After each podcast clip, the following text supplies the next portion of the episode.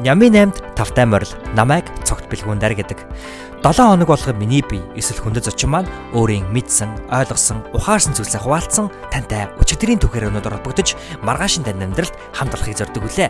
Натаа хамт байгаад баярлаа. Ингээд эхэлцгээе.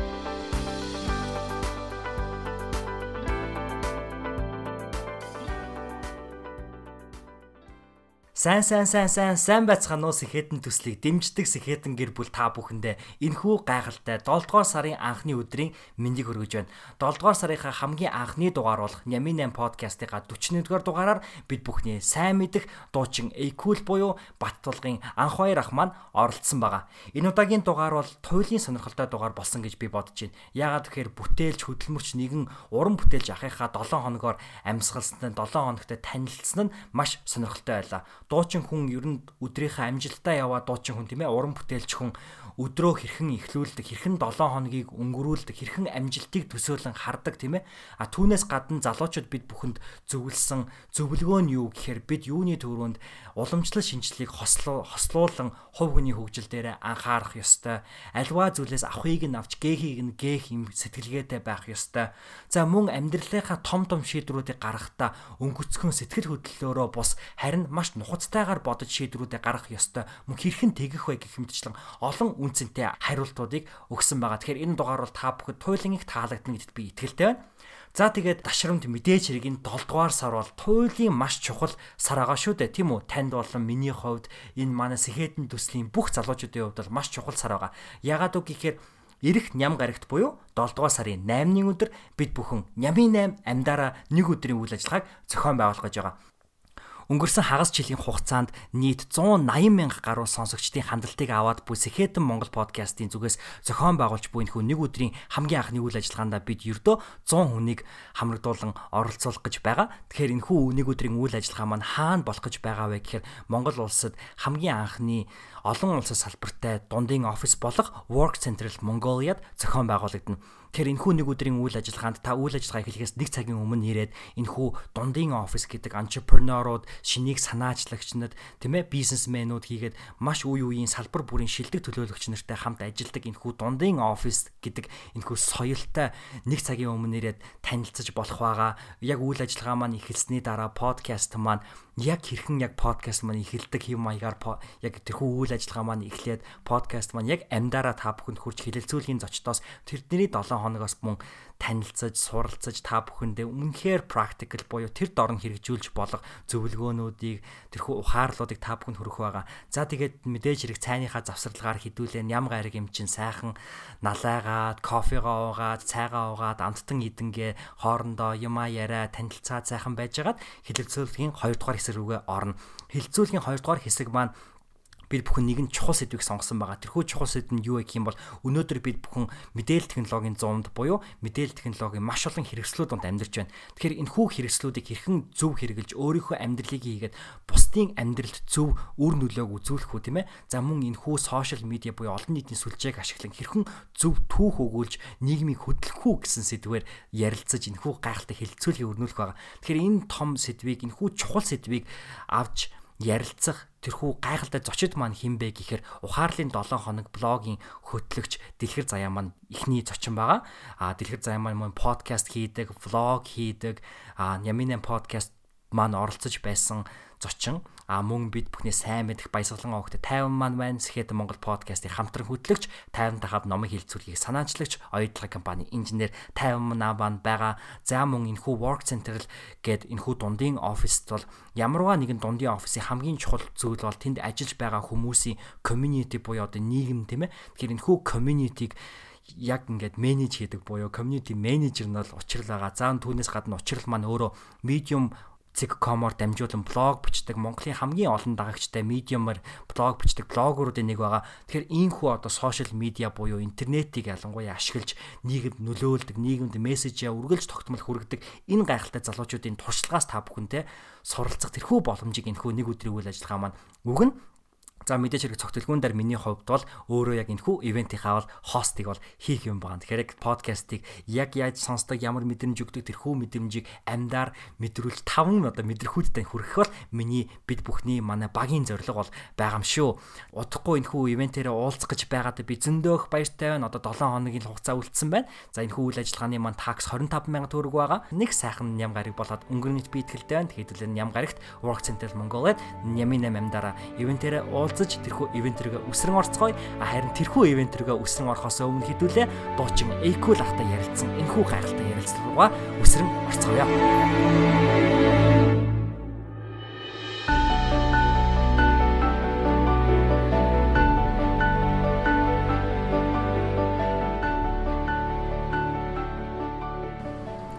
За энэхүү манай Яминан подкастын маань 41-р дугаар хэлэхэд бэлэн боллоо. Энэ удаагийн дугаарыг маань хөндөж очин хинбэ гэхээр бид бүхний сайн мэдих дуучин Equal буюу анх хоёр ах маань байгаа. Танд юуны өмнө энэ өдөр мэндийг хүргэе.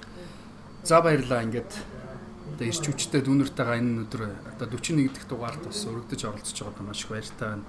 Өнөөдөр их сайхан өдөр байна. Монголд сайхан ирсэн. Тэгээ гадаа бороо хуртай хүн болгоны сэтгэл тэнэгэр тэгээд өнөөдөр бас энэ сэхэтэн одоо энэ төслийг хэрэгжүүлж байгаа Сэхэтэн залуустай өнөөдөр бас уулзж байгаа да баяртай. Маш их баярлалаа. За таны сүүлийн үеийн сонирхолтой уран бүтээл тэгээ зүйлсээ хаваалцвал. За би бол ер нь хүмүүс ингээд одоо уулз хоорондоо уулзч ярилцдаг. Тэгээ Монгол хүн бол амны бэлгэрээ гэж ярьдаг. Тэгээ ер нь бол мэдлж байгаа хоорондоо ярилцж байгаа тэрүүгээрээ ер нь хүн шууд ингээд бие бинийгаа их тийм хүндэтгэлийн хэлбэр бол шууд эхэлдэг. Тийм учраас бол Миний хувьд бол сүүлийн хувьд бол маш их олцсон мөгтэй байгаа. Одоо их баян байна. Сэтгэл маань дүүрэн байна. Одоо уран бүтээл маань арвин их баялагтай. Ер нь их сайхан одоо одоо удахгүй бас 93 наадам маань эхлэх гэж байгаа. Тэгээд энэ зуны хувьд бол уран бүтээлийн нэлийн том олц сонгохтой тесрэлттэй хэмжил байх болов уу гэж бодож байна. Ямар ч байсан бол их сайхан байна. Тий, сэтгэл өөдрөг одоо бүхэл зүйл их сайхан байна да. Бид бидний хувьд бол яг манай үеийн залуучууд их тэгсэн яд хүлээж байгаа. Яг тэгэхээр би өөрөө санддаг байхгүй багтаа нөө найрамд цасланд авдаг байсан. Тэгээ таны бүлийн хүүхд бол байгаагүй. Гэтэ таны ингээд ариун заяаг ч юм сонсоод баяг үсцэн. Тантай хамт яг ингээд үсцэн шиг санагддаг. Тийм. Тэгээд ерөнхийдөө бол танд хэлсэн манай нэвтрүүлэг бол таны яг одоо энэ 7 хоног тийм ээ. Таны ойрын хугацаатай төвлөрдөг. Тэгээд та маш их сонирхолтой байгаа гэдэгт би төлөв итгэлтэй. Тийм учраас таны хүндлээд шууд асуултууд руугаа орох уу. За тэгээ. За. За бид бүхний асуудаг хамгийн ихний асуулт юу вэ гэхээр бид бүхэн талархлаар альва зүйлийг эхлүүлэх нь зөв гэж үздэг. Тийм учраас таны одоо энэ өнгөрч буй 7 хоногт хамгийн их талархаж буй зүйл юу вэ? Ер нь дурсамжтай үйл яв. Аа, за талархах улсууд бол маш олон байна.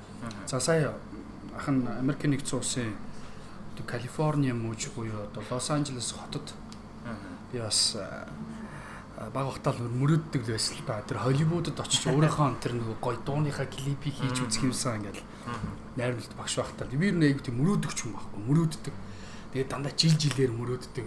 За энэ жил бол би заавал нэг тийм очиж одоо тий одоо хийх ёстой шүү гэдэг тийм нэг өөрийн нэг төлөвлөгөө тэгээ бас нэг мөрөөдлийн нэг хэсэг байсан. Тэгээд миний хувьд бол сая Америкийн нэг зуусад аа ерөөдөө нэг жилдээ нэг 5 удаа явчихад байна. Одоо ойр ойрхон ингээд очиод ингээд тэгээ судалгаа хийгээд уран бүтээлийн одоо ингээд ерөөдөө судалгаа хийгээд ямар уран бүтээлүүд одоо жишээлбэл дэлхийн зах зээл дээр хийд болж чинь ямар уран бүтээл хийвэл бас одоо орчин үеийн залуучуудад одоо жишээлбэл тий хүрхүү гэдэг ч юм уу ингээд судалгаа хийсэн. За тэгээд талархал ярьсан учраас бол Лос Анжелес хотод бол мэдээж энэ клипийг хийсэн баг хом тоолондоо хамгийн түрүүнд бас баярлалаа гэдэг илэрхийлмээр байна. Тэгээ би бол өөрөө их маш олон найзтай хүн. Ер нь бол надад одоо Германд байгаа мөнгнөөсөө илүүтэйгээр маш олон одоо тийм найз байна. Тэгээ хүн болгон гэтээ найзыг бол одоо юу гэдэг тэр тарган дуранхай одоо өндөр нам одоо юу гэдэг тэр шашин ис шүтэх ингээд тэргээр ялгаж салахгүйгээр найз гэдэг бол тийм дотоод сэтгэлийн бөгөөд яг хэрэгтэй цаг үед нь одоо бас найздаа нэг чин сэтгэлээсээ туслаад өгчдөг тийм найзууд бол хамгийн их одоо хүнд бол хэрэгтэй. Тийм учраас бол одоо Лос Анжелест байгаа бүх найзуудтай одоо юуны төрөнд бас талархлаа илэрхийлмээр байна. Яагаад гэвэл миний клипийг хийхин төлөө тэд нар маань ингээ бүгдээрээ ингээ цаг цав мэдээж бол та нар маань бол одоо мэдээж гадаадд амьдарч байгаа улсуудын цаг цавыг бол мэддэг бах те тэд нар маань ажиллаж ийм сурч юм маш их одоо цаг цагийн хувьд гэх юм бол тэд нар маань бол одоо тийм цаг одоо баг байдаг. А тэгээ надад зориулаад одоо ямар ч юм клипэнд маань бүгдээрээ оролцоод тэгээд ингээд хамт байсан. Одоо ах эгч нар, найз нөхдүүд эдгээр усуудтай бол талархмаар байна. Аа тэгээд дээрэс нь өөрийнхөө одоо бас одоо шүтдэг шүтээндээ бас баярламаар байна. Яагаад гэвэл тэр шүтээнээрээ дамжуулаад одоо миний ажил үс мандаа их тийм өөдрөг бүтэмжтэй байдаг учраас одоо тийм тэгж л одоо талархалтай байна да. Таны шүтэн таны ээж юу? Мэдээж миний ээж. Номер 1-т бол миний ээж гэхдээ ах нь бол өөрөө бол бас тэнгэр шүтлэгтэй хүн. Тэгээ тэнгэр эрт дээр үеэсээ бол бид нар бол тэнгэрээ шүтэж уул ус сангаа дэлхий те энэ газар шороотой хүн гэдэг юм маань хүн гэдэг энэ амьтан чи өөрөө байглаас үсэлтэй байгалийн одоо бүтээгдэхүүн шүү дээ. Тийм учраас бол одоо сүүлийн үеийн залуус маань бол арай ер нь их том ухаантай болсон байна. Байгаль дэлхийг илүү хайрлж гин үү, илүү инновацлог те шинжлэхийг хүсэж байна. Илүү эко орчин хүсэж байна те. Илүү одоо хүмүүс аяа тийм нэг натурлаг тийм зүйлийг хүсэж байгаа учраас бол Монгол хүн бол угаасаа байгаль дэлхийд уялдаа холбоотой. Тийм учраас ах нь өөрөө тийм тэнгэр шүтгтэй. Тийм. Тэнгэрээ шүтэд явах юм бол бид нар бол ер нь их хол явна да гэж боддог. Маш онцгой те тэнгэр шүтдэг арт юм юу нь. Тийм, ер нь онцгой те, онцгой шүү дээ тий. За манай нэвтрүүлгийн хоёр дахь асуулт болохоор таныг уран бүтээлч юм болохоор маш сонирхолтой хариулт өгч магадгүй гэж бодож байна л да. Яагаад тэгэхээр бид нэр хоёр дахь асуултан дээр таны онцлог контент тийм ээ ямар нэгэн клип байж болно, альсвал уншсан тийм мэдээ байж болно, альсвал уншсан ном байж болно, альсвал үзсэн ямар нэгэн кино байж болно тийм. Ер нь бол залуучуудад одоо энийг сонирхоод үзээрэй гэсэн тийм контент юу вэ? Энэ 7 хоногийн үед. За энэ 7 хоногийн үед юм бол надад Netflix угсан. Аа. Тэгэхээр мэдээж Netflix гэдэг маань та нар өөрсдөө мэдчихэе. Дэлхийд дээр одоо кино зах зээлийг одоо жинхэнэ утгаар нь одоо хийж дээр чинь маш олон сериал кинонууд хийж тийм кино контент л тоо. Би өөр киног маш их дуртай байхгүй. Тэг мэдээж бол ном ном бол уншина. Гэхдээ ном унших гэхэр чинь мэдээ цаг хугацаар а кино үзээд юм уу эсвэл ямар нэгэн байл одоо сүүлийн үед шиг сошиал ертөнцийн чинь ингээд нэг юм өргөн цар үргэлжтэй болсон. Тэгээд яг хуу Narcos гэдэг кино үзсэн. Pablo Escobar гэдэг одоо юуны Колумбийн одоо drug lord Аа. Одоо буюу одоо тийм хард амхины одоо тийм хааны тухай тийм кино. Энэ бол гэхдээ бодит хүний жишээтэй тэр кино. Тэгээ энэ киног би яах гэж үзсэн бэ гэхлээр тэр хүн яг юуны төлөө юу хийсэн? Ямар одоо жишээлбэл ямар сонирхолтой чиглэлээр тэр киног яаж найруулж, тэнчнээс яг би юу юу олж авах хэрэгтэй вэ? Аа. Мэдээж би өөрөө хард амхины хаан болохгүй шүү дээ би ард амгт зараад юм уу эсвэл тэрүүгээр ингээ мөнгө олё гэсэн тийм сэтгэлгээ надад байхгүй. А гэхдээ хүн ер нь зөв замаар явах юм бол хүн зөв амьдрал руу явна. А хичнээн мөнгөтэй байгаад буруу замл руу чи гараад үрсэн бол тэр буруу замлаараа дүүрсээр хагаад хамгийн эцсийн сүулт нь а тэр хүн одоо жишээ юу гэдэг те тэр үлийн үрээ заавал идэлнэ. А гэхдээ би тэр Пабло Эскобор гэдэг хүний тэр кино үзснээр би маш олон сөрөг талын ч олж авсан, сайн талын олж авсан. А тэр хүний сайн тал нь юу гэсэн бэ гэхээр зүгээр Колумб гэдэг улсыг те маш баян чинэлэг, мундаг, гайхалтай тийм одоо улс байгаасаа гэж магадгүй тэр хүний мөрөөдөл байсан баг. Тэр хүн ерөнхийлөгч болно гэж мөрөөдөжсэн байгаа байхгүй юу? Тэр кинон дээрээс. А гэхдээ тэрний нөгөө эхэлж байгаа тэр замнал нь өөрөө буруу чиглэлтэй байсан учраас тэр хүн одоо сүүл рүүгээ одоо улс төр одоо тэр нөгөө бүхэл бүтэн нэг хүний эсрэг тэр улс хүртэл тэгж дайн зарлаж ингэж хийжсэн. Тэгээд яг сүүлийн үеийн хамгийн сүүлчийн гэсэн одоо контент маань бол кино маань бол одоо Narcos гэдэг кино байсан. Та нар заав үзээрэй. Тэр киноноос ихтэй сайныг олж аваарай гэж хэлмээр байна. Тэгэхээр бол надад сонирхолтой кино байсан. Аа тэгээд яг юунаас бол киноноос бол ийм. За өөр чинь одоо гоё юу гэхээр би юу Coachella гэдэг одоо дэлхийн тийм хөгжмийн том фестивал наадан болдог. Жил болгон болдог. Энэ бол дэлхийд бол номер 1. Одоо Coachella гэдэг наадмыг бол очиж үзсэн. Хөөх тий. Тэгээд дараа нь Лас Вегаст ADC гэдэг одоо бас электро хөгжмийн том фестивал наадан болдог. Дараа нь Billboard болсон. Billboard-ыг бас очиж үзсэн. Тэгээд эдгээр маань дандаа ингээд нөгөө судалгааны чиглэлтэй. Одоо яг эдгээр усууд маань яг юу хийгээд байна? Ямар фил одоо хүмүүст ингээд төрүүлж үсэж чинь те яаж ингэж дэлхийн зах зээл рүү ер нь хаашаа чиглэж чинь тэр талаас нь илүү судалгааны маягтайгаар одоо ингэж очиж тэр контентуудыг том том тэр фестивал наадмуудыг өгсөн л те тэгээ энэ маань бол бас л миний хувьд бол бас толгомт маань мэдлэг хийсэн юм сайхан зүйл болсон. Аа. Маш их баярлалаа. Гайхалтай хариулт байна. Тэр наркосыг үзсэн. Тэр наркосыг та нар үзээрэй заяа. Та хоёр ч гэсэн үзээ үзээрэй.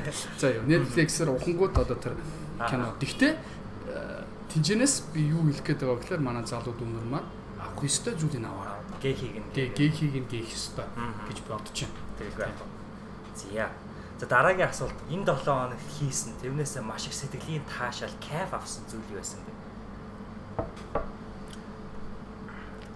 За сая би яг ирээд ирчээд юу явсан. Ирээд ээж дээр очиж нэг хончоод тэгээд маргааш нь маргааш нь зүү хараал зүү хараагийн одоо зүү хараад манай байдаг манай нэг хөрөө ах байдаг.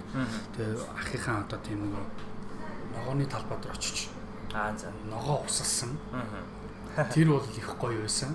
Тэр яагаад гэвэл тэнд бас тодорхой хэмжээний би өөрөө бас жоохон хөрөнгө оруулалт хийгээд ногоогоо тэгээ мод тарьсан байсан. Тэр модуудаа усалсан.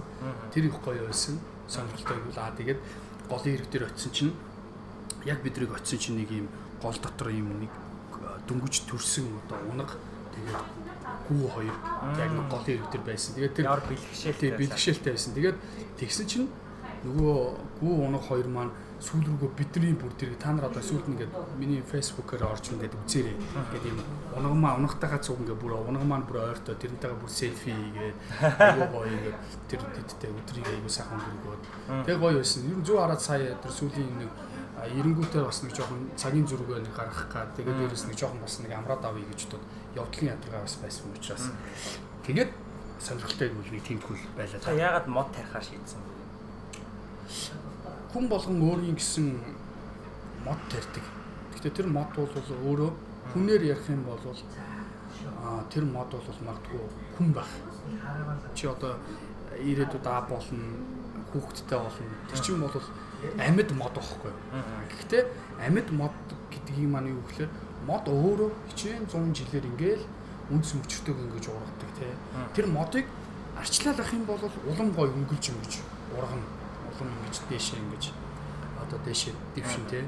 Тийм учраас бол мод бол энэ ертөнцийн одоо эхлэл юм болов гэж би бодоод байна л да. Одоо тэр үр үр жижигхэн үр тавингууд тэр өөр мод ингэ ургадаг. Ургаад ингээд чинээс маш олон юм салаан навч ингээд ингээд гардаг. Тэгтээ тэрэн дотор чинь ингээд бас ингэ сонголтууд байгаа байхгүй юу? Одоо ингээд хүний зам гэж бодоход ингээд айгүй олон юм салаан юм зам байна шүү дээ тэр аль замаар нь явбал одоо тэр хүн зөв явах вэ гэдэг тийм юм сонголт байгаад байна те. Тэгэхээр бол миний хувьд бол мод бол өөрөө хүний амьдралын зам мөр гэж би харж байгаа байна. Зөв миний өөр философи шүү. Нар зөв ургала ургала бодороо үнцэг байна. Тий. Тэгж бодож байна. Тийм учраас хэрвээ тэр мод зөв ургах юм бол улам гоё дэлбэлээд 40 мянган 100 жилээр тэр мод байна. Амьдрал. Цаашаа ингээ хажууд шим. А хэрвээ тэр мод буруу туслагтаад тэрийг ингээ буруу ингээд эхэлчих юм бол тэр ингээд ингээд хүч хандаад одоо ингээд ингээд а тэгээд тэр мод чи өөрөө хажууд орчингоо гоё ингээд агааршуул цэвэршүүлж идэг те маш гоё энерги энергийг хөрвүүлж идэг тийм учраас мод бол одоо нэг тийм альва нэгэн зүйлийн ирээдүйн харах тийм зам юм. Тийм учраас хүн болгон заавал мод төр гэдэг чинь тийм л утга учиртай юм болов уу гэж би одоо бодож хараад байна л да. Тийм. Маш гайхалтай хариулт би ерөөсөө тэгж бодож байгаагүй юм байна. Тэгээ яг ингээд таны нэг мөчөрд ингээд салаалдаг гэхээр магадгүй ингээд илүү олон боломжууд бас хүн Тийм боломжууд тийм яг үнэ. Тэр би бол одоо ингээд та нарын залуучууд юм уу дүүнэртэй ингээд хэлдэг баг. Ах нь бол яг л одоо өөрийнхөө одоо ээж манай ээж манай аав аавын талын бол бүсгэтэн гаралтай дандаа багш уусууд багш уусууд сургууль хөгжлөх талын а манай ээжийн талын бол бас одоо хөдөө одоо юм бас одоо ингэж өссөн. Тэгэл яг тийм одоо надад юм өвлүүлээд өгсөн юм хөрөнгө бол байхгүй. Гэхдээ тэдгээр усууд надад юу үлдээсэн бэ толгойн дотор маш их мэдлэг ахмадын тэр хууч яриануу, дээр үеийн тэр хүмүүсийн тэр үзэл бодол би та хэд одоо нэг зүйл хэлнэ. Та нар дандаа хөгшин настай усууд юу байнга сонсч. Тэдгээр усууд ингээд тийм амьдралын гэдэг үзэх үзлийг бидрийг бодох юм бол энэ амьдралын энэ урт замаар алхаад ингээд маш олон зүйлийг тэгтээ дандаа тойрч хараагүй дайраад гарцсан. Тийм болохоор тэдгээр улсуудын яриаг сонсно гэдэг бол бидний хувьд бол тэр чинь бас их хөрөнгө хөхгүй. Маш их баялаг мөнгө. Зүгээр л бид нар тэрийг үнэгүй зүгээр ингээд юм худалдаж авч байна гэсэн. А жишээл гадаадд бол одоо маш том одоо Стив Джобстой ч юм уу, Марк Зукербергтэй ч юм уу, одоо өөр хэн байдیں۔ те. Мундаг алдартай тийм улсуудтай уулзахын тулд бид нар маш их цаг хугацаа авна. Одоо тэр улсуудтай уулзахын тулд одоо юу гэдэг те. Тэр төлөвлөгөөнд нор. А гэтэл өнөөдөр таамт боломж биш шүү дээ. А би дараагийн тайдын нэвтрүүлэгт бол илүү тийм одоо тийм мундаг түүхч ч юм уу тийм эдгээр улсуудыг бас магадгүй нэвтрүүлэгтээ бас зочин болж оруулаарай гэж би бас танил санал тавих гэдэг байна. Тэдгээр улсууд бас их өөр өнцгөр ярина гэж бодож байна. Маш их баярлалаа. Тий. Тэг гайхалтай хариулт байна. Бидний асуудаг дараагийн асуулт маш сонирхолтой. Тэг таныг уран бүтээлчлэр би бүр маш их догтлж байна. Тэр асуулт нь юу гэхээр ер нь таны одоо маш одоо завгүй амьдралын юм аа гэдэг юм ээ. Тусалдаг юм тогтсон дэг зуршил рутин гэдэг юм уу те. Тим зүйл юу нэг юу байдаг вэ? Ер нь яг өөрийгөө бэлтгэхийн тулд тийм ээ би өглөө эрт их босдог. Өглөө эрт босоод алхдаг.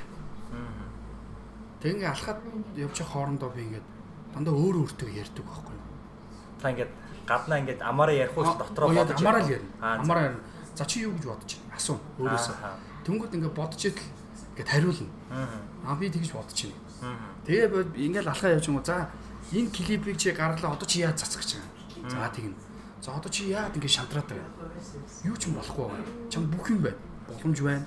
Чамд одоо өөр ингэсэн одоо их эцэг ихээс заяасан одоо бие бэлтэр одоо юу гэдэг оюун санаа бүх юм чамд байна. Чи яагаад юун дээр унаад байна? Ингээд ингээд өөрийгөө ингээ хөглөж авах юм гэсэн үг л дээ. Ерөндөө ерөөдөө өөрөө өөрийнхөө тэр нөгөө ингээд ингээд хүн ингээд ганцаараа ингээд алхаад байх тус ингээд байгаль орчин ингээ хараад тэг ингээд өөрөө өөртөө бясалгаад алхаад За эсвэл магадгүй нэг ярьцлаганд орчих гэж өөртөө төсөөл. За чамаас ийм асуулт асуулаа чи юу гэж хариулах вэ? Тэр нэгсэндөө би юмаа бэлддэг гэсэн үг байхгүй. Тийм байна. Бэлддэг юу хариулах, юу ярих, юу одоо хийх гэж байгаа ингээ магадгүй тийм өдрийнхөө бодлого цаг хугацаанд ч юм ингээд төлөвлөөд ингээд аваад энэ бол магадгүй миний ингээд зуршил баг. А тийм өглөө болгон байнга дуулдаг ингээд. Дуулж одоо хоолоогоо одоо юу гэдэг ингэж нэг одоо яах вэ? Одоо ямар нэгэн байдлаар одоо ингэж өөрийгөө ингэж дасгалдаг тийм. Тэгэд би ч юм нэг тийм гоо шартан. Одоо ингэ мэдээлэл ам Facebook-ээс юм уу эсвэл сошиал орчин YouTube-ээс тэд нэг дуу чинь нэг уран бүтээл гаргацсан байлаа гэхэд би яагаад жишээлбэл ингэ зүгээр суугаад байна тийм гэдэг ч юм уу тийм нэг юм. Өөхгүй нэг зүгээр суудаг нэг юм замтай юм уу. Алхан тутамд л ингээл ингээл хөдөлгөж хөдөлмөрлөж цаг хугацааг ингэж нэг ашиглахгүй бол цаг хугацаа чинтээс ингэж минут секунд дойл болгоноор ингэ хурд яваад байгаа байхгүй.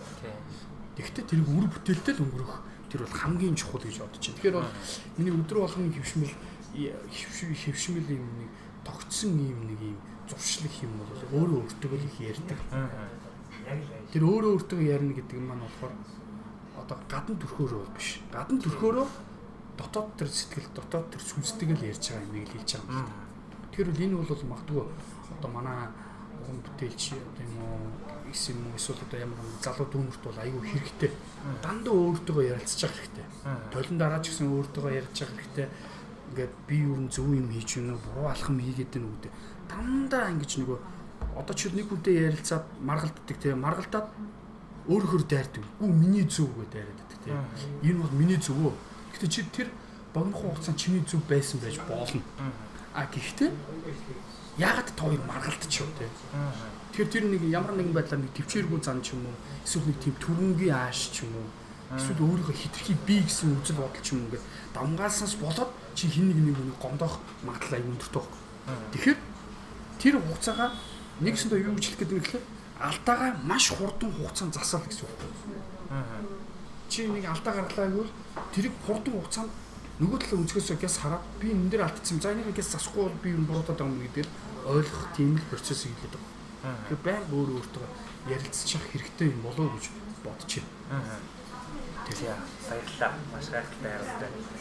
За бидний асуудаг дараагийн асуулт нь юу гэхээр таны яг одоо энэ өнгөрсөн 7 хоногт танд хин нэг нөлөөлсөн бол хэрхэн нөлөөлсөн бэ? Одоо маш сайнаар гэдэг юм уу те. Магадгүй л таны ямар нэгэн зүйлийг ухааруулсан ч юм уу. Ер нь хин яг яаж хэрхэн нөлөөлсөн бэ гэдэг юм асуулт. За. Нөлөөлсөн те нөлөөлсөн зүйл. Яг өдөр тутам л амьдрал ингээд надад нөлөөл ингээд авчирч ийн л да. Тэгэхээр өөрөө тэгтээ нөлөөллөөс зөв юмыг нөлөөллийг бол өөртөө шингээх хэрэгтэй. А буруу нөлөөллийг бол аль болохоор ингээд холуу зайлсхийх. Одоо би сүүлийн үед энэ одоо ингээд нөгөө уцнаас юм уу жоохон татгалзаж эхэлж байна. Аль болох ингээд нөгөө ингээд мэдээл хитрхи их мэдээлэл биш нэг надад ингээд амар их мэдээлэл. Тэр чинь нөлөөд автчихна гэсэн үг. Бид нар шууд тэрийг ингээд шууд шеэр хийгээд ч юм өөрийнхөө үзэл бодлороо шууд тэр хүн хулгай нь төлөө хулгай аюуг зөвхөн нэг хүн одоо энэ хүн хулгайч юм аа гэж битцсэн юм би оо энэ хулгайч юм гээд шууд одоо жишээлбэл би өөрийнхөө үзэл бодлоор тэр хүний үзэл бодолтой нийлээд тэр чинь ингээд нөлөөд автаад тэр хүний юм лөө халдаж эхэлж байгаа. Тэгэхээр энийг чинь нөлөөлөл гэж ярьж байгаа. Тэгэхээр бол миний хувьд бол одоо манай Монголын нийгэм бол хитрхи их нөлөөлөл. Одоо ялангуяа сошиал орчин сошиал орчин бол өдөөсөө хүнийг л хүн рүү шууд ингэж халдаж байна. Энэ төлөөлөлд бас тийм оюун ухаанаараа өөрийнхөө үзэл бодлороо тийм ялгаж салгадаг тийм юутай байх хэрэгтэй л доо. Тэгэхээр бол миний одоо энэ сүүлийн 7 хоног бол жоохон тийм сөрөг нөлөөлөлтэй юм сөрөг мэдээлэл айгуу мэдээч гэхдээ энэ чинь миний төрсөн нутаг те төрсөн газар ус. Тэгэхээр би ингээ сайхан зүйл ингээ үргэлж ирж байгаа шүү дээ. Хүмүүс ингээ орж ингүүд хөлийг хил дээр ороод ирэнгүүт л хүмүүс ингээ хараал хийлээл эхэлж яг тий. Би бинийгаа түлхээд эхэлж би бинийгаа муухай ингээд яагаад би биний рүү хараад инээмсгэж болохгүй байна. Яагаад бид би биндээ хайртай биш вэ те. Энэ чинь ингээ тийм ердөөсөө асар их тийм бухимдалтай амир ядуу байна. Тэгээ ядуу гэдэг чинь юу хэлээд байгаа юм гэхээр би ядуу хүн гэдгийг одоо яг хамгийн ядуу хүн лав ээж аваагаа алдсан юм уу, эргэн тойрон найз нөхдөд алдсан юм уу, эсвэл одоо тийм орчин тойронд нь хин нэгэн хүн гэж нөгөө байхгүй байгаа хүн бол хамгийн ядуу хүн. Аа.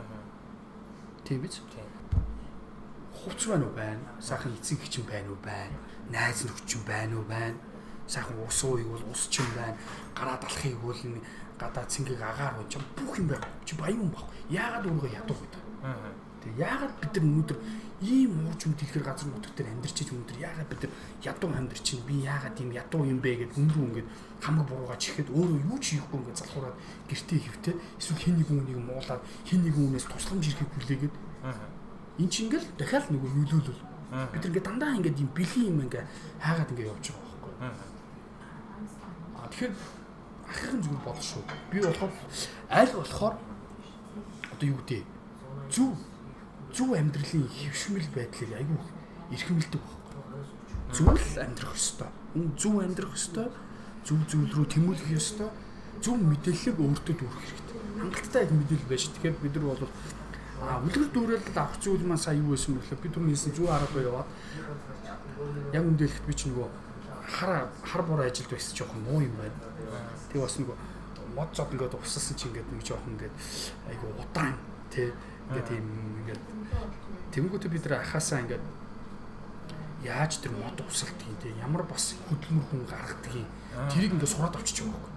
Тэр тэр нөлөөл тэр хүнээс би бас зөв үлгэр дөрөөл авчиж шээ. Дараа би удаа мод услахад аа шаланкийн ингэж татаад ингээд ингээд ингээд дундуур нь ингэж нугалахгүйгээр энэ модоогоо ингээд усалчих юм бол тариалангийн талбайгаа ингээд юм уу эсвэл одоо ногооныхаа талбай ингээд усалчих юм.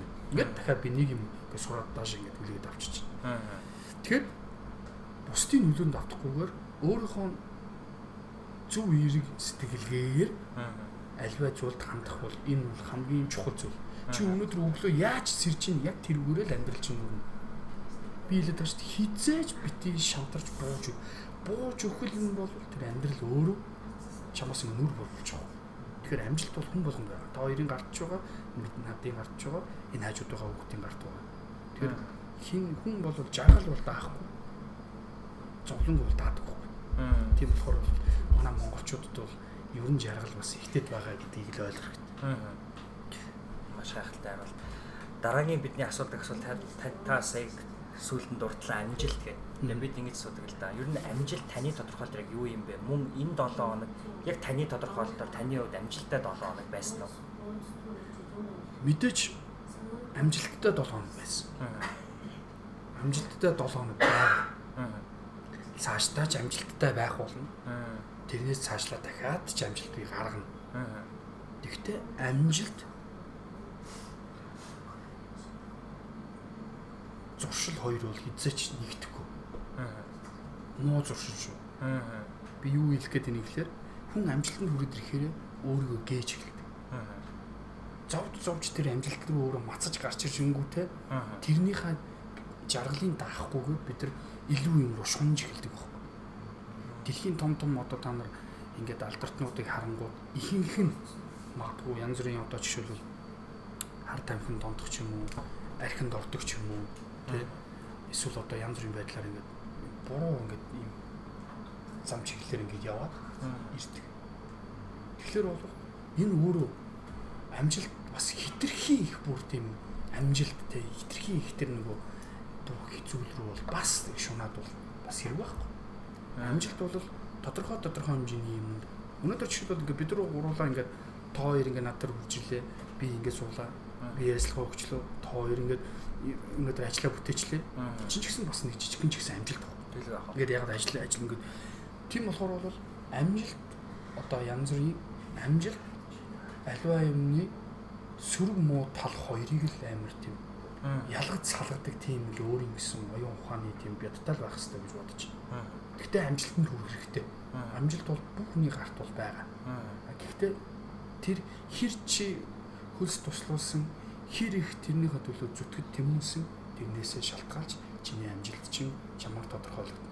Гэхдээ амжилтанд хүрлээгээд би амжилтанд хүрчлээгээд хоошоо дахиад угуучлах. Амжилтанд хүрсэн тэр үед дахиад цаашаа хүн ингээд алхах л өстой юм байна л л дээ.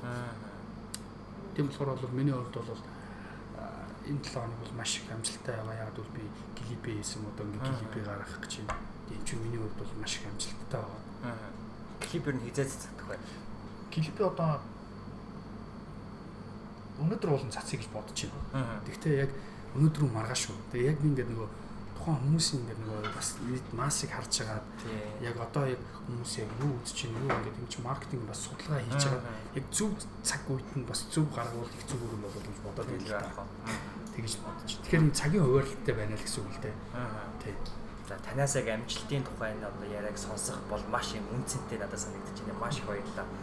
За дараагийн одоо 7 дахь буюу 8 дахь асуултын ясаа ганц хамгийн сүүлийн одоо 2 дахь асуулт маань болохоор энэ 7 хоног ер нь таны ойлгосон өмнө нь ерөөсөө анзаарж байгаа үе гэдэг юм уу тийм ухаарл ер нь сургамж байсан бэ? Эсвэл бүр тэр өмнө мэддэг байсан зүйл яг баттгсан зүйл ч юм уу?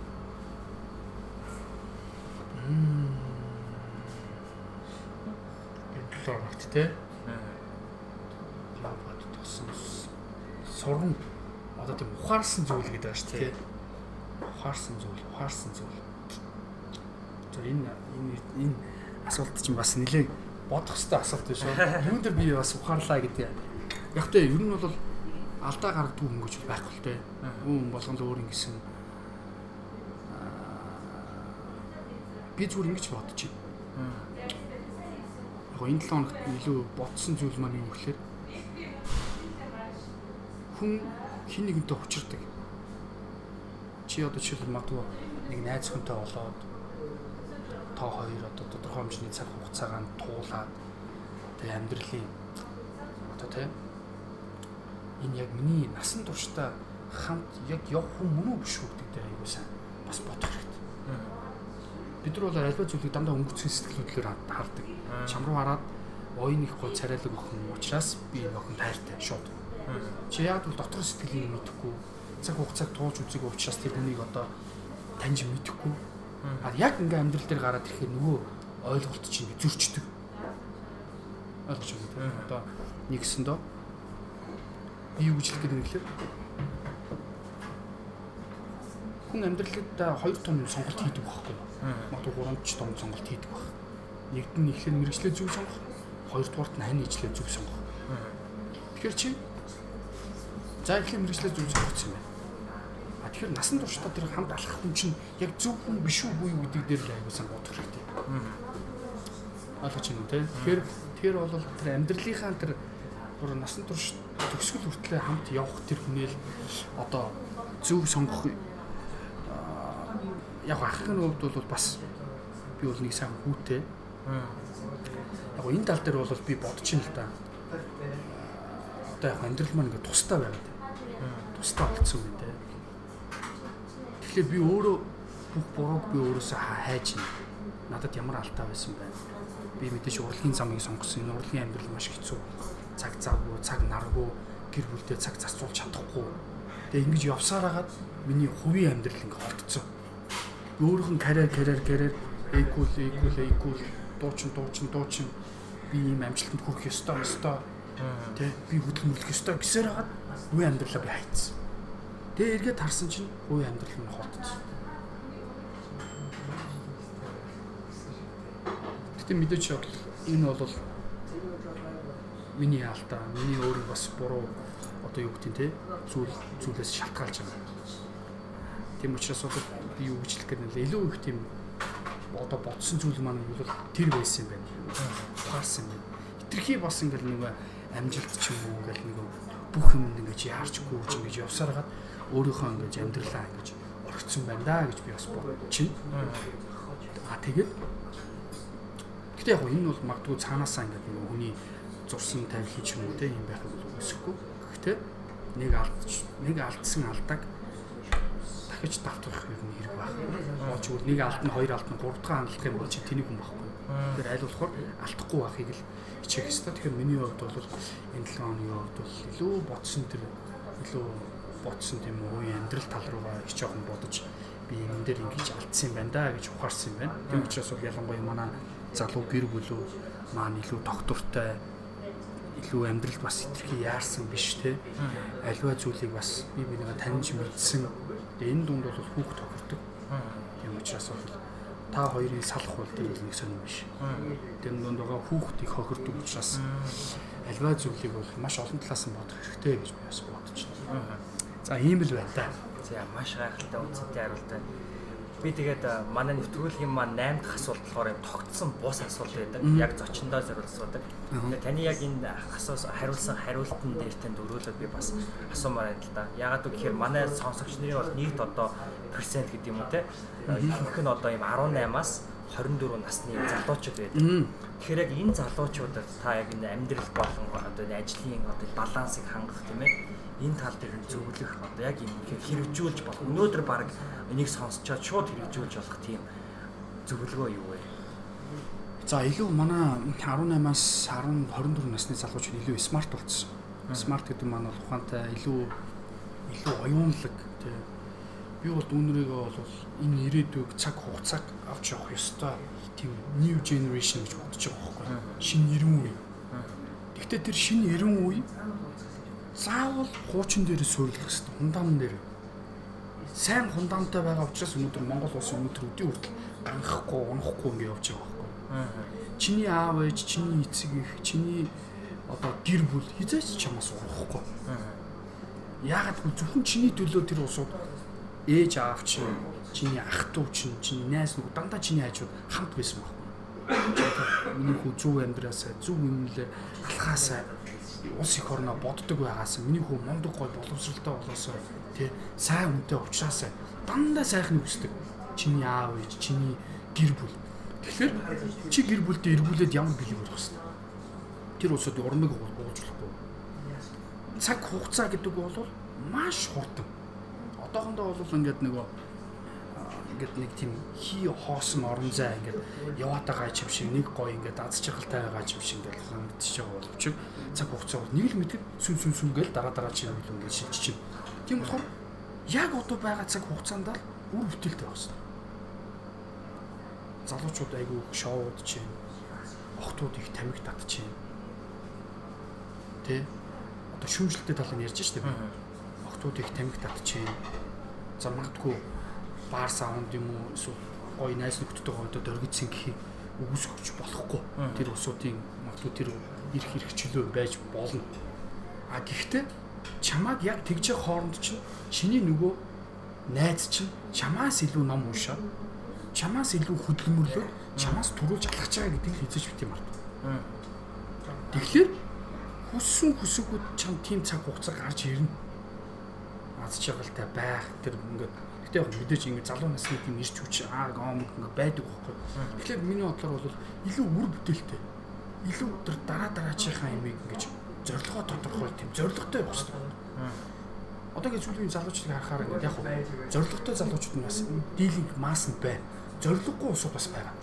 Мэргэжлэрээ ажиллахгүй байна. Тийм үү? А өнөөдөр муу зуршилд их автчихна. Тамхи татдаг байж байгаа тамхи татдаг болсон байна. Бид нар хин чамайг игдий зэрэгтэй хүн болгоод одоо чи өөрийгөө яаж наадах вэ гэж өөрчилж ийн гэдгээ бас өөрөө өөртөө анализ хийх хэрэгтэй байхгүй. Чи ганцхан өөрөө өөрийнхөө өмч биш байхгүй. Яг бол чиний гэр бүл чинь байгаа. Тэр чи аав ээжийнхэн төлөө гэр бүлийнхэн төлөө мэдээж хамгийн номер 1-т улс их орныхоо төлөө юу хийж чадах вэ? Чаддаг зүйлээ хий. Чаддаг зүйлэл number 1 best хийж чадах юм бол чи энэ улс их орондоо маш том хөрөнгө оруулалт хийж байгаа байхгүй. Тэр яг ингээл нэг чийшээ тийшээ очиж үсчээл нэг ийшээ ингэж үсчээл ийшээж яваал тийшээж яваал. Хүний охиныг ч гондоогоол өөрийгөө ч гондоогоол. Ингээл тийм үсчсэн савсгансан ийм зүйл пиццаж бити байгаасаа л гэж дүүнэртээ өсч чинь тэг мэдээж бол манай залуучууд дүүнер маань илүү оюунлаг тэг материалын зүйлээс илүү татгалцсан илүү тотгошоо толгоондоо их оюундаа эрдэм мэдлэг хийсэн ийм залуучууд байгаасаа л гэж байна.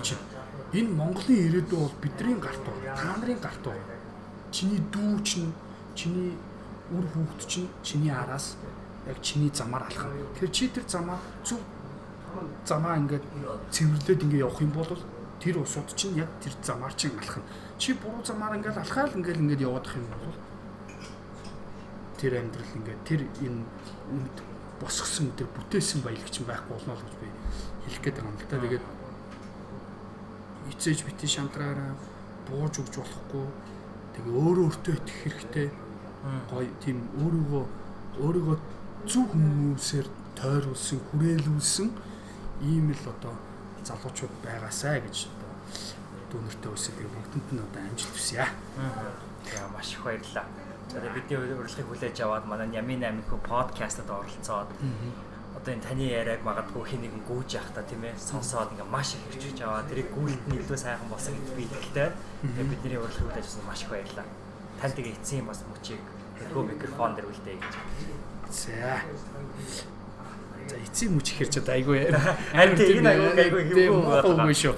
Эцсийн ихэр ч одоо эцсийн үгээ хэлэх гээд байгаа шүү. Тэгэхээр бол яг энэ ярилцлага тий навтруулгын сүүлд бол ийм зүйлийг хэлээ. Тэгээд яг маш их мөрөөдөгч бай.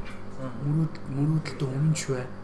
Тэгэл одоо юм бол гүүдээ хүн хоошоо ч хоошоо одоо ухарж алах дүүтэй адилхан урагшаа хараад гүүжээ чамайг хин нэгэн муулж болно. Чамайг хин нэгэн одоо дорд үзчих болно те. Чи тэр тусам харин надад энэ хүн намайг хурцлж ийн гэх тэр хүндээ алгадчихад баяр хүрэх хэрэгтэй байхгүй тэр хүн чамайг муулаад байгаа даа биш. Чамайг догомжлоод байгаа даа биш. Чамайг хурцлж байгаа байхгүй. Чи чадах юм байна өө чи алхаад байлуу урагшаа гүүгүүдэг хүн яг гой уулын оргил руу ингээд дээш мацаж явж байгаа. Яг амжилт нь өгөхгүй жоохон сэтгэл зүгээр унаал тэгээд доош унждаг. Тийм учраас бол дотоод сэтгэл зүгөө маш сайн бэлдээрээ тэгээд өнөөдрийн хоёр дүүгийнхаа бас урьж оролцуулсан энэ сайхан одоо өөрийнхөө ярьсан энэ ярилцлагандаа маш сэтгэл хангалуун байна. Тэгээд ахыхаа ярьсан зүйлээс бүх зүйлийг аваад хэрэгтэй зүйлийг өөртөө шингээгээд матгүй одоо өөрийнхөө амьдралд нэг жоохон ч гэсэн зүйлийг бас өөрөө өөртөө нэмж аваасаа гэж хүсэж байна. Нарын ажил амжилт хүсье. За маш их баярлалаа. За. Энэхүү Ямина подкастын маань 41 дугаар энэ хүрээд өндөрлөж байна. Дуучин Equal буюу анх хоёр ахтай ярилцсан энэхүү дугаар маань та бүхэд маш их таалагдсан гэдэгт би итгэлтэй байна. Энэхүү дугаарыг боломжтой болгосон Сэхэдэн төслийнхөө бүх найзуудаа би маш их баярлалаа гэж хэлмээр байна. А тэдгээрийн дундаас мэдээж хэрэг яг энэхүү подкастыг бичих үед дэргэбэн суугаад ярилцж байсан энэхүү ярилцлагыг хамтдаа хийсэн Маргад Эрдэндээ маш их баярлалаа. 40 дугаар дугаард оролцсон Маргад маань энэхүү зуны удирлаас эхлээд Сэхэдэн төсөл тэр дундаа энэхүү Ямина подкаст маань продюсер хийж яг энэхүү одоо контент төлөвлөлт эдгээрийг бол хийхэд маш их тусалцаа үзүүлж байгаа. Тийм учраас би маш их баярлалаа гэж хэлмээр байна. За тэгээ сүүлд нь дахиад хэлэхэд Нямин подкаст маань хагас жил гаруй хугацаанд үргэлжилж энэ хугацаанд бид нэрээ солилцэхэд Монгол подкаст болон улмаар 50 тахавд номын хэлэлцүүлгийг 50-тайгаа хамтран подкаст хэлбэрлүү хөрвүүлэн энэ хүсэх хэдэн подкастаараа та бүхэндээ хүргэж байгаа. За 50-наатай хамт бит хоёрын хамтдаа хийсэн 32 дугаар дугаар өнгөрсөн 7 хоногт буюу одоо энэ хүү 7 хоногийн тийм ээ дөрөвт өдөр бол ороод байгаа хэрвээ та сонсч амжаагүй байгаа бол заавал сонсороо гэж хэлмээр байна. За тэгээд би ер нь энэхүү боломжийг ашиглаад нэвтрүүлгийнхаа сүүлд эх 7 хоногт болох гэж байгаа. Эх 7 хоног буюу 7 сарын 8-ны өдрийн ням гарагт болох нямын 8 амдаараа ивентэд үнийг өдрийн үйл ажиллагаанд та бүхнийг хүрэлцэн ирээрэй гэж дахин дахин урьж байна. Бид бүхэн нийт 180 мянга гаруй сонсолтыг нийт хандлтыг тийм ээ жилийн хугацаанд буюу уучлаарай хагас жилийн хугацаанд аваад байгаа. Тэгэхээр энэхүү мэдээж хэрэг та бүхнийхөө хүсэл зорилго эдгээр зүйлсүүдэд зориулан нэг өдрийн 100 хүнд зориулсан үйл ажиллагаа хийх гэж байгаадаа маш их баяртай байна. Нэг өдрийн ивентийн маань үйл ажиллагаа 25 сая төгрөг байгаа. Та бүхэн үйл ажиллагаа эхлэхээс нэг цагийн өмнө ирээд Work Central Mongolia тэрхүү хамтын дундын оффисд танилцсан тэдгээр тэрхүү community-г мэдээж тэрхүү соёлыг мэдрэх боломжтой. А түүнээс гадна үйл ажиллагаа маань үргэлжлээ дуусны дараа та яг тэрхүү офис дээр үлдээд манай нийт зочдтой болон хамтдаа тэрхүү үйл ажиллагаанд оролцсон залуучуудтайгаа болон хост миний бигтэр танилцах, уулзах тэрхүү гайхалтай networking opportunity-г мөн давхар олгосон гэдгийг би дуртахын зүйтэй баг. За яг тэгээ хэдүүлээ. Ням гарагт дараагийн ням гарагт подкастаараа болон Нямын 8 амьдаараа нэг өдрийн гайхалтай үйл ажиллагаагаараа уулзцгаая. Тэрхүү үйл ажиллагаа руугаа өсрөн ороход бэлтцгээгээрэй.